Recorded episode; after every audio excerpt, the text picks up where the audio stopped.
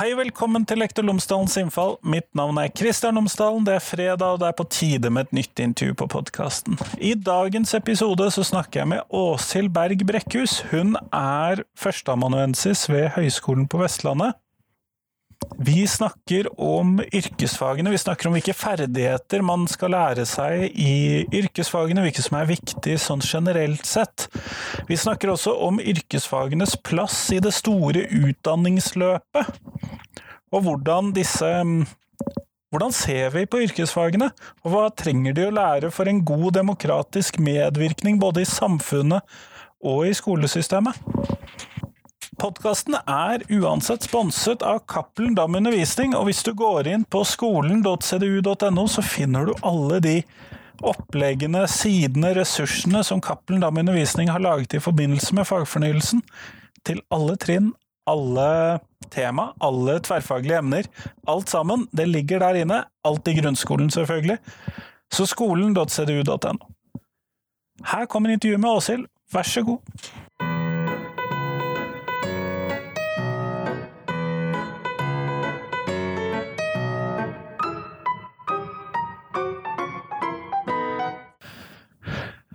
Åshild Berg Brekkhus, tusen takk for at du har tatt deg tid til meg i dag. Ja, tusen takk for at du inviterte meg. Før vi starter selve intervjuet, så håpet jeg at du kunne fortelle lytterne mine tre ting om deg selv, sånn at de kan bli litt bedre kjent med deg. Ja, da tenkte jeg kanskje at jeg kan si litt om meg sjøl som fagperson, og litt om meg sjøl som samfunnsborger. Og litt som menneske. Eh, som fagperson eller profesjonell da, så har jeg jo yrkesbakgrunn som sykepleier, eh, og erfaringer fra helsevesenet. Eh, og så har jeg da lærerutdanning i PPU. Og har videreutdannet meg innenfor pedagogikkfaget, master i pedagogikk og spespedagogikk. Og så har jeg nylig eh, disputert med en doktorgrad i eh, pedagogikk. Eh, og så har jeg mange års erfaringer fra videregående skolen og utdanning, eh, utdanningene ute i skolen. Og der har jeg undervist både i, i yrkesfag, fortrinnsvis helse- og oppvekstfagene, og i, i fellesfag, i samfunnsfag, fordi jeg har noen fag knytta opp mot det. Som samfunnsborger så jeg tror jeg er veldig mer enn, mer enn gjennomsnittlig engasjert, egentlig. Jeg er glad i, eh, interessert i politikk og glad i eh, Opptatt av demokrati, demokratiske prosesser, sosiale ulikheter osv. osv. Rettferdighet. Eh, så jeg er engasjert utenom læreryrket òg. Eh, og som menneske så er jeg utålmodig. Jeg vil mye og, og har tror jeg, veldig høy rettferdighetssans. Og jeg er veldig, veldig, ofte klar på å gi en sånn klar melding ut, egentlig, i forhold til hvis det er noe jeg er uenig med og, og, eller syns blir urettferdig. Og, det har jo ført meg inn i, i tillitsverv, annet i Utdanningsforbundet, i, som jeg har jobba med i mange år. Evige elevrådsleder? Ja. ja.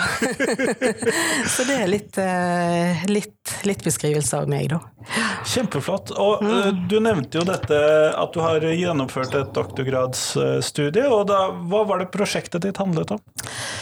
Jo, altså Jeg vil jo prøve å se litt på hvordan yrkesfagelever eh, erfarer opplæringstilbudet i yrkesfaglige utdanningsprogram i, i den videregående skolen. og hvordan de sjøl uttrykker at de har reelle mulighetsbetingelser og frihet til å kunne utvikle sitt potensial.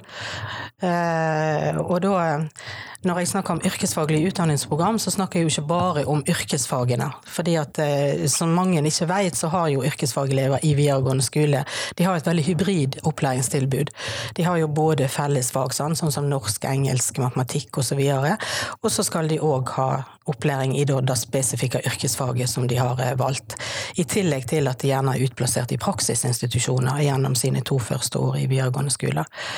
Og, og, det jeg eh, har vært opptatt av da, det er å spørre elevene hvordan opplever dere dette tilbudet, og hvordan kan dere utvikle dere eh, innenfor eh, det fire området jeg har sett på, da. Eh, som jeg har sett på hvordan de sjøl opplever at de har reelle mulighetsbetingelser til å kunne utvikle seg. Uh, og jeg har arbeid innenfor et perspektiv som heter, eller et rammeverk som heter Capability Approach. Um, og det er det går på at en ser på hvilke kapabiliteter elevene har. Da. Og da er kapabiliteter definert som, som reelle de reelle mulighetsbetingelsene og den reelle friheten som elevene har da. Eh, og så har jeg sett på fire områder eh, i elevene sin, sitt opplæringstilbud, og det er hvordan de sjøl opplever at de har muligheter til å utvikle seg innenfor demokrati, deltakelse, medvirkning, både på samfunnsnivå, men òg i skolen. Hvorvidt de har muligheter til å utvikle seg innenfor utdanningene, gjøre eh, seg nytte av eller eh, dra fordel av det formelle tilbudet de har. Altså hvordan de reelt sett drar nytte av det formelle tilbudet de har i utdanningssystemet. Så har jeg sett litt på yrke og arbeid, hvordan de opplever at de kan velge det yrket de verdsetter, eller har muligheter til det. Og så har jeg sett litt på den fjerde da, eh, dimensjonen, som går litt mer på hvordan de opplever trivsel og livskvalitet og, og, og eh, vennskap og, og, inkludering og tilhørighet i skolen. Så det er de fire områdene jeg har sett eh, på, da. Eh, om de, de får utvikle seg. Og resultatet viser jo det at opplæringstilbudet fremmer jo kapabiliteter, eller disse mulighetsbetingelsene, til en viss grad, da, men, men det òg hemmer direkte på en rekke områder. Da. Hemmer elevene sine reelle utviklingsbetingelser.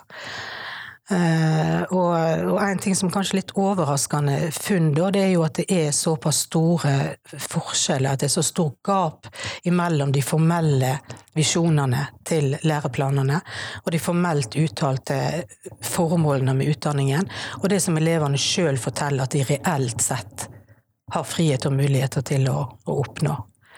Er det lov til å anta at eh, de opplever en større hva skal vi kalle det, kapabilitetsøkning innenfor faget de studerer, eller eh, som de går på skole for, mer enn f.eks. demokratisk deltakelse og medvirkning? Er det lov til å gjøre den antagelsen? Ja, det er absolutt lov, og det er jo òg et av funnene som jeg har i, i, i studien min. At, at, eh, elevene har veldig, de er veldig fremmedgjort for disse fellesfagene. Og det, de ønsker overhodet ikke å ha disse fellesfagene. De ser ikke relevansen av det og meningen med å ha det. Eh, og de, de forteller meg at gjennom ungdomsskolen så har de opplevd eh, veldig mange nederlag, manglende mestring. Eh, og jeg konkluderer nærmest med at de har opplevd en, en dehuman tilværelse i uh, ungdomsskolen.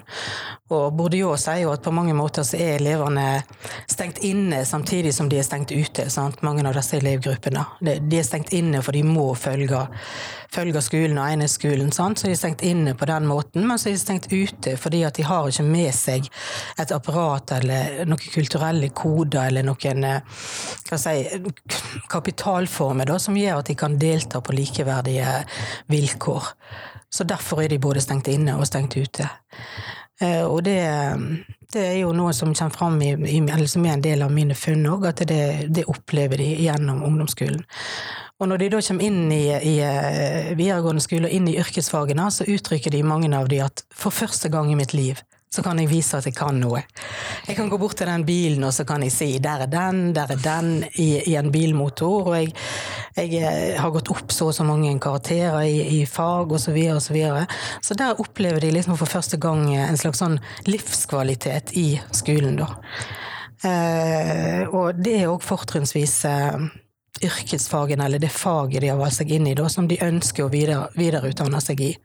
De får en mestringsarena de kanskje ikke har hatt før, da? Ja, eh, absolutt. Det gjør de, og det uttrykker de veldig klart òg, at, eh, at det, det, har vært en stor forandring for de. Mens eh, disse fellesfagene da ser de jo på som, som unødvendig ofte, og, og, og, og, de vil ikke, de ser ikke relevansen av det, de skjønner ikke hvorfor de må ha disse fellesfagene. Hvorfor må jeg ha de engelsk diktanalyse ja. når ja. Ja, det er akkurat sånn de ser det, da. Men jeg har lyst til å presisere at jeg ser ikke Altså, jeg ser ikke at Jeg ser jo at elevene I Capability Approach så snakker vi om hva elevene har verdsatt, men også hva de har grunn til å verdsette. For det at det er et normativt eh, rammeverk. Og da antar en at det er visse normative forhold som en har på en måte grunn til å verdsette. Og det å delta i demokrati, for eksempel, både bredt og smalt, det er en av de forholdene som er på en måte det er en slags sånn grunnleggende frihet da, som, som, alle mennesker har på en måte grunn til å verdsette rent sånn normativ sett. Så derfor så tenker jeg at skolen har en plikt til å, å finne ut av hvordan, hvordan en kan på en måte finne veien inn til at disse elevene skal verdsette òg disse fellesfagene. For det, det, er nødvendig for å leve i en kompleks verden og ha med seg disse, disse fagene. Mm, men eh, når du da ser på det, eh, opplever eh, disse elevene at de, at de får en plass i den demokratiske opplæringen, eller at de lærer disse tingene? Nei, det er jo akkurat det, da. For jeg spør det jo litt om, om, om de er interessert i å delta i, i sånn politiske valg, om de er med i ulike organisasjoner osv. Og, og det, det, er bare én av de elevene jeg har snakket med. Jeg har snakket med 28 elever til sammen, da, som sier at hun har vært med i AUF, men det hun slutta med, for det er ingen av vennene eller ingen på videregående skole der hun går som deltar i sånne typer eh, aktiviteter. Eh, og de uttrykker veldig lite interesse for eh, politikk, og de sier òg at det tror de ikke at andre ungdommer har heller, altså interesse for for politikk på, på, systemnivå, da. Jeg bruker jo eh, de demokratibegrepene som, eh, som, den svenske demokratiutredningen bruker. Da. Det lille demokratiet og det store demokratiet. Hva er da det lille? Jeg ja, tror jeg skjønner det store. Ja, det, lille det er jo mer den deltakelsen du har i hverdagen. På en måte i, i eh, din egen hverdag og omgivelsene der du sjøl er i skolen eller i, i jobb. Da. Og det elevene uttrykker da, det er at de, de har ikke noe spesielt ønske om å delta i det store demokratiet partiet. Men de uttrykker at de ønsker å delta mer med deltakelse og, og, og bestemme hvilken type undervisning de skal ha, og hva, altså mer i den daglige hverdagen. Og være med der og, og bestemme. Eh, men det, det, som viser seg da, det er jo at, at lærerne ikke, gjerne ikke imøtekommer disse, disse ønskene de har. Da. Og at en, eh, flere som forteller at eh, jeg har prøvd å si det til henne, men hun tok det ikke til seg, på en måte. Sant? Og at de gjentatte ganger har prøvd å, å, å, komme med innspill til hvordan de kan ønske seg, men at det, de ikke blir hørt. Og, akkurat det stemmer i og for seg òg overens med, med, andre store undersøkelser, annet eh, demokratiutredningen for unge som var vel kom på ja, 2013-2014 eller et eller annet sånt, viser òg at elevene ønsker mer deltakelse enn det de faktisk får da, eh, demokratisk deltakelse i skolehverdagen.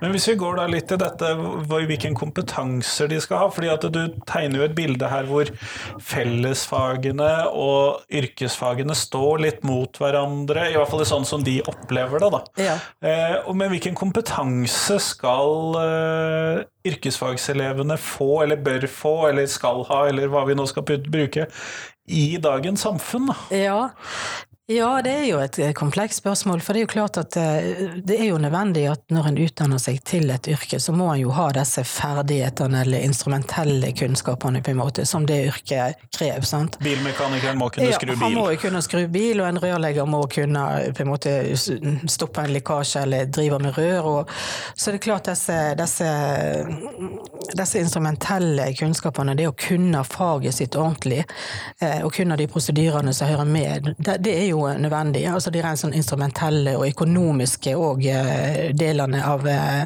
av eh, yrkesfagopplæring.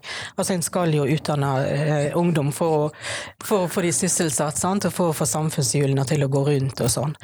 Men det jeg retter litt kritikk imot òg, og som faktisk òg Capability Approach retter litt kritikk imot, det er jo den på en måte nyliberale økonomien, da. Og dette med at en fokuserer for mye på å få elevene gjennom løpet og at, eh, at en fokuserer for mye på økonomisk vekst, og at eh, yrkesfagelevene skal bli sysselsatt, og, og, og, og at en ser for lite på, på den egenverdien på en måte som utdannelsen har, da. Mindre danning, altså? Ja, mindre Altså at det blir, blir, kanskje for lite danning, og at den på en måte Og det, det skillet på en måte som, som du påpeker er mellom, mellom uh, yrkesfagene og fellesfagene. For det har jo vist seg i forskjellige prosjekter i AT, blant annet det her FYR-prosjektet, fellesfag for uh, Eller yrkesretting av fellesfag. Det har jo fått Det gikk jo ikke så spesielt bra da. Fått veldig svake evalueringer. Og um, vi har jo hun Annelise Høstmark Tarot, som er en av eh, de her som har virkelig drevet yrkesfagene i Norge, da, fransk sosiolog, som har sett en del på, på, på komparative forhold. Da. Blant annet så har hun sammenligna norsk yrkesfagopplæring med fransk yrkesfagopplæring. Og hun sier det at det er på en måte to kulturer. Sant? Hun bruker òg Bourdieu sine kulturtermer, da. Og sier at, at, yrkesfaglærerne de har på en måte De sitter på en måte på én kultur, og de, som de opplever da at de har eh, på en måte myndighet og makt til å produsere og reprodusere, mens fellesfaglærerne da sitter på sine fag og sine kulturer, som de opplever at de kan eh, produsere og reprodusere. Og at enhver sånn forsøk på å få de til å snakke sammen og få til noe på tvers, det, det viser seg ganske vanskelig å få til, da. Kan det da, når du da nevner disse to kulturene og sånn, så vi, antar jeg jo og det er mulig at det er bare en fordom jeg har, men at de som sitter da i Utdanningsdirektoratet og Kunnskapsdepartementet, som utarbeider disse studieprogrammene, og som skal sette dette sammen, og som skal få dette liksom til å få en sånn konsistens, at de generelt sett kan sies å tilhøre én av disse kulturene, men kanskje ikke den andre. Men det, og det jeg tror ikke du har forsket på akkurat det, som det er bare med sånn antakelse. Jeg lufter ut på bakgrunn av det du da sa. ja, jo det tror jeg kanskje absolutt Absolutt. Og eh, en har jo òg eh, fått eh, De har jo òg fått kritikk for at de lytter for lite til yrkesfaglærere når de utformer læreplaner. Så det er jo rimelig å anta at det er kanskje akademiske kulturer som, som, som sitter og jobber med det, da. Men det er ikke sikkert heller at det nødvendigvis ville hjulpet noe mer å trekke inn yrkesfaglærere mer, i og med at de Det som jeg tenker er viktig, da, som en ser òg tendenser til ute i, internasjonalt Jeg har vært heldig å få reist en del rundt i, i doktorgradsperioden min og møtt uh, yrkesfaglærere fra hele verden. Og, du, og, vi ser jo da tendenser til at, uh, at en er flinkere på en måte med å ikke sette de her absolutte skillene imellom uh, yrkesfag og, og, og fellesfagutdanning. At det er disse generiske kunnskapsformene. Altså det å lære å lære, og nettopp å, å kunne reflektere, tenke sjøl, eh, eh, delta demokratisk. Altså disse forholdene her. Det, det er disse type kunnskaper eller kompetanse da, som en, en, trenger å kunne i, i fremtiden. Og, og eh, Unesco har jo gått ut og sagt at yrkesfagene må fokusere mer på, på eleven sin eh, kunnskap som eh, på en måte Altså sin livs, sine livsferdigheter. Like mye som, som de instrumentelle ferdighetene i, i yrket, da. Fordi at yrket endrer seg jo fort, sant. Og det som er kunnskap for en rørlegger i dag, det er ikke sikkert det er kunnskaper om to år, på en måte. Fordi at det kommer nye teknologier og nye, nye måter å å, arbeide innenfor de ulike fagene. Men, men, det å lære å lære og disse, ja, disse kompetanseformene, det er, jo det, det er jo minst like viktig, da kan jo kanskje bli desto viktigere med hva skal vi kalle det, sånn profesjonsintegritet, eller at man kjenner på det at jeg er rørlegger, og derfor så skal jeg utvikle meg som rørlegger, eller den type ja. tanke? Ja da, det, det, det, er klart at det med identitet og, og yrkesutvikling, det er jo uh, utrolig, utrolig, viktig, og det er jo noe som yrkesfagene fokuserer veldig på, at en skal utvikle identitet og osv. Men samtidig så ser jo jeg, har jo jeg vært litt opptatt av det med, med klasseforskjeller, da, for jeg mener jo at uh, klasse klassebegrepet ikke er på en måte avleks. Jeg mener at det er høyst eh, relevant i dagens samfunn òg. Og da ser jeg jo dette med reproduksjon av sosiale ulikheter, på en måte. Sant? Og at, at uh, elever som når jeg sier det, så blir jeg ofte beskyldt fra yrkesfagene for at jeg snakker ned yrkesfagene. Men jeg tenker at det går ikke an å se vekk ifra de statistiske sannhetene. At det er faktisk eh, elever fra lavere sosioøkonomiske lag som søker yrkesfaglig utdanningsprogram, og at de blir på en måte geleida inn i en slags da, kanskje identitet som ikke nødvendigvis har valgt sjøl å utvikle, på grunn av at de tilhører bestemte typer eh, sosiale lag. Da. Og, og, vi ser statistisk sett at yrkesfagelever har eh, vesentlig lavere grunnskolepoeng enn eh, gjennomsnittet. Hele 80% av guttene som søker yrkesfag, de har foreldre med lav, lav utdanning. Så det er noe med det at hvorvidt får disse ungdommene mulighet til å frigjøre seg. Ja, en reell mulighetsbetingelse og frihet til å frigjøre seg. Og til å velge det de ønsker å velge i livet, og ikke noe som de på en måte blir sjalta inn i allerede fra seleksjonsmekanismer i barneskolen og ungdomsskolen, der du på en måte blir eh, pedagogisk da på en måte stempla som at du er en praktiker, du hører til i yrkesfagene, du må søke helse- og oppvekstfag, for der er de så greie, på en måte. Sant? Eh, så det ser jeg òg i mine studier, at eh, elevene i ungdomsskolen de blir eh, anbefalt å søke eh, videregående skole alt etter hvilke karakterer de har. Så man kan nesten bare ta karakterskalaen for klassen, og så kan du dele den nesten sånn du har delt den på midten og sagt du går her og du går der? Ja, det er, tror jeg veldig sånn. Altså, og det viser òg resultatet fra studien min, at det, det, er flere av elevene som sier at de ble henvist til fellesfag eller til studieforberedende fordi at de eh, hadde så gode karakterer, mens noen sier at jeg fikk, hadde lyst til å søke den og den uh, studieprogrammet, men, jeg, men, læreren min sa jeg burde søke helse- og oppvekstfag fordi at det var mye lettere. Og det sier noe òg om kompetansen til ungdomsskolelærere på dette feltet, som jo har vist seg òg i utredninger å være relativt svak. Da.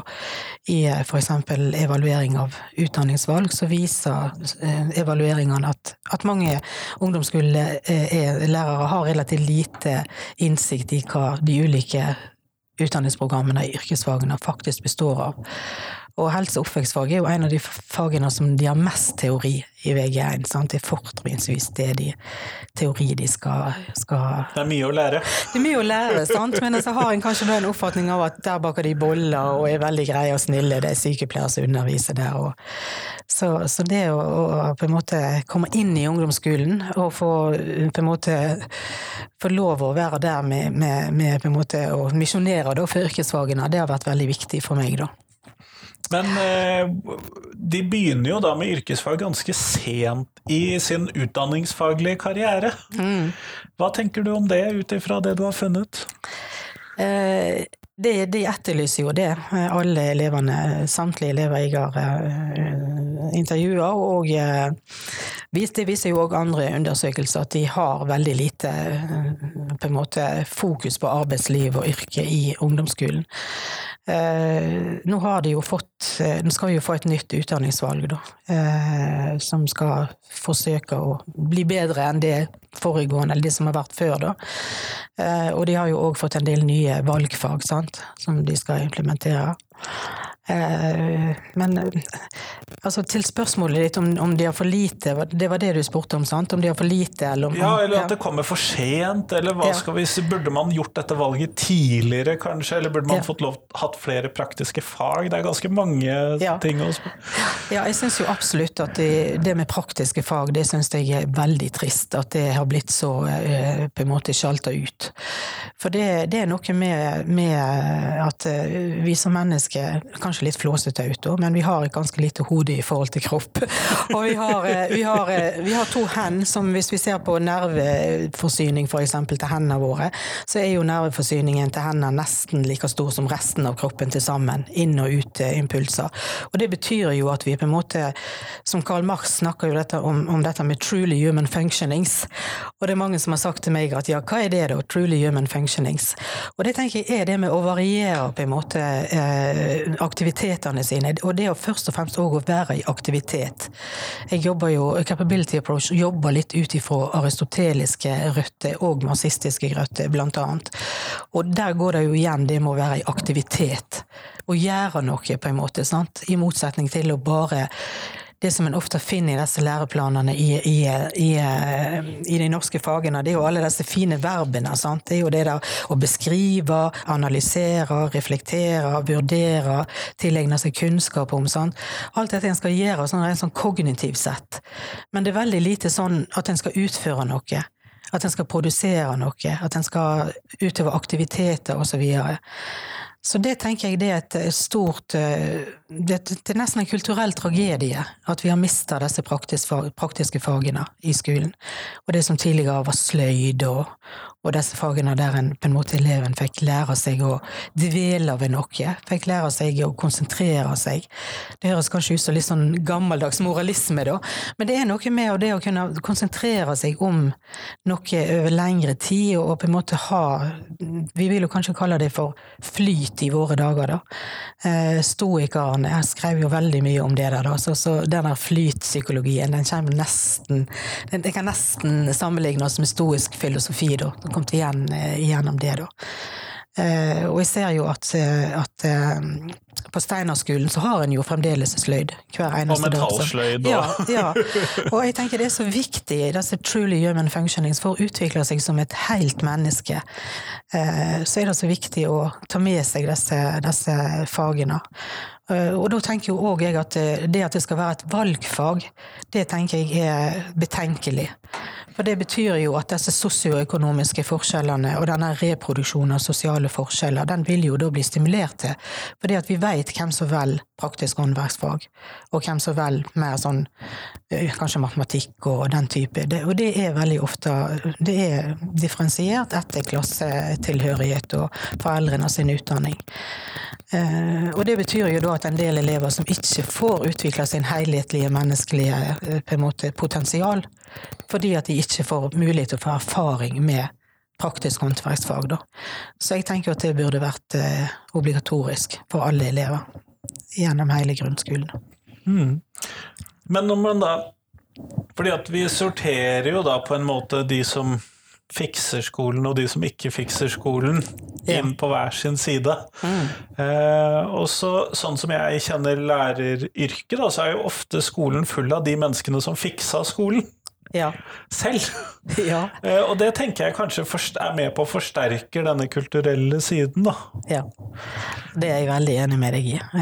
For fordi at en ser at eh, mange av de som søker seg til læreryrket, det er sånn flinke, snille jenter, på en måte, som alltid har, som du sier, fikser skolen, sant.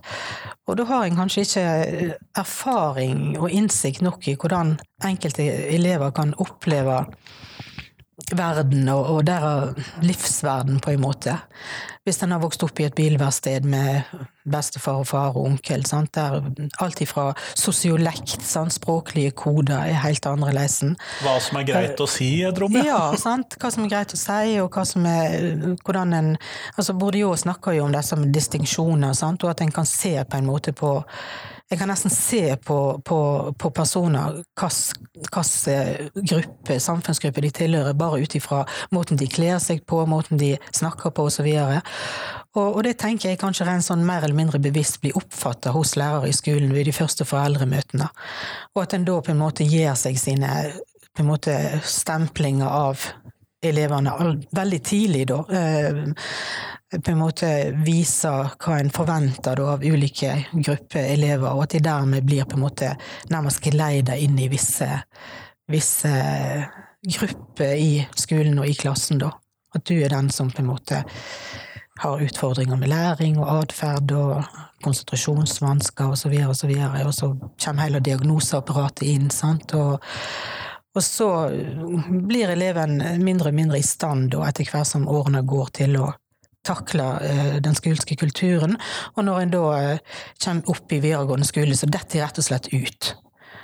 Eh, og der ser vi jo at, at frafall i yrkesfaglige utdanningsprogram er jo langt høyere enn i, i studieforberedende.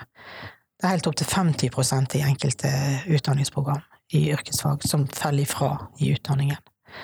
Mens det i studieforberedende fag er det over 90% som, som fullfører. Ja, det er en annen verden. Det er en annen verden. Og jeg tenker litt at den, det er sånn den Bergensundersøkelsen for noen år siden viste da, dette med at eh, elevene på en måte kommer inn i, i skolen i ulike heiser. Den, de bruker jo den betegnelsen. sant? Og noen elever de kommer inn litt høyt oppe. Og de, de har òg med seg veldig mye ressurser. Sant? Og masse, en litt rask heis også? Ja, en litt rask heis. Den går veldig fort opp, og de får mer og mer med seg jo høyere heisen kommer opp. Sant? Mens, men noen kommer da inn veldig lavt nede, og, eh, og har veldig lite med seg. Og heisen, heisen går seinere og seinere, og de på en måte får mye mindre med seg etter hvert enn de som går i den andre heisen da, og når de da kommer opp til videregående skole, så detter de rett og slett ut av heisen, sant? en del av de, fordi at skolen ikke klarer å, å, å på en måte eh, kompensere for de manglende, eh, den manglende kapitalformene de har med seg inn i, i skolen.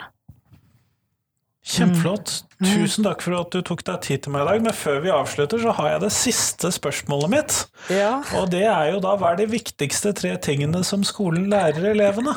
Ja, det, jeg har jo hørt litt på de andre eh, podkastene du har hatt, og, og, jeg hørte på min kollega ved HVL, Martin Sjøberg, som snakket om radikalisering og ekstremisme og inkludering. Og han svarte medmenneskelighet. Og det syns jeg var så godt at det har jeg lyst til å svare òg. Altså det med medmenneskelighet. og at det blir på en måte så lite fokusert på da. Eh, men jeg har lyst til å, å, å kanskje ut, på en måte konkretisere litt mer hva jeg mener om det. For når jeg snakker om medmenneskelighet, så snakker jeg om empati for andre mennesker. Altså det med å ha narrativ forestillingsevne. Forestille seg hvordan det er å gå i den andre sine sko, som indianerne sa i sitt, sitt, sitt, sitt uttrykk, eller sine ordtak. ordtak ja.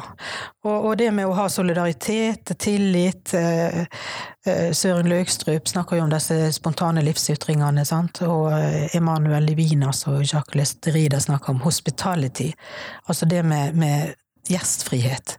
Å ta imot den andre som en annen en yrkesfagelev er en annen. Sant? Han har med seg andre ting, men det å bli mottatt som den andre, og ikke som deg sjøl, på en måte, det tenker jeg er viktige kunnskaper som skolen må lære eh, elevene. Eh, og så tenker jeg òg det med samfunnsengasjement og demokratisk sinnelag. Det er veldig eh, ekstremt viktig at elevene lærer seg reell medvirkning og, og ansvar, og at de finner sin egen stemme og kan på en måte stå på, på det de sjøl mener, og det de ytrer seg sjøl og, og tenker sjæl og mener, som, som Trond-Viggo Torgersen synger om, da. Og så tenker jeg det med å lære dem å ta ansvar for seg sjøl. Stole på sine egne vurderinger. I sykepleierfaget så har vi noe som heter egenomsorg. Og der tenker vi at det er først og fremst viktig at eh, en, et individ vare, lærer å ta vare på seg sjøl og yter omsorg for, for seg sjøl, da. Fordi at først da kan en på en måte lære å vise omsorg og ta vare på personer rundt seg. Og ha nok energi og ja. Eh, kraft til å faktisk kunne ja. klare å gjøre det. Ja, ja. Så det de tre tingene tenker jeg er, er presiserende viktig, viktig for at skolene lærer elevene. Kjempeflott. Tusen takk for at du tok deg tid til meg i dag. Tusen takk for at jeg fikk komme.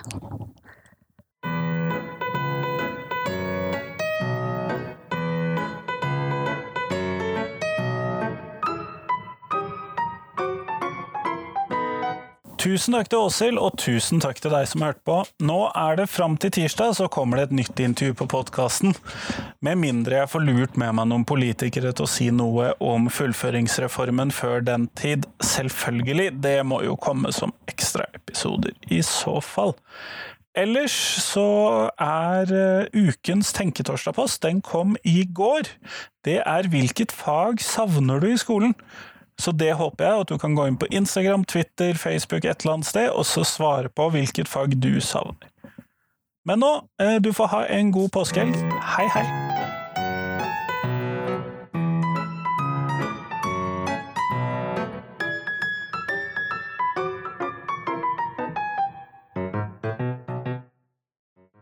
Husk at du kan gå inn på Facebook og finne Facebook-gruppen Lektor Lomsdalens innfall hvis du har lyst til å være med og diskutere norsk skole.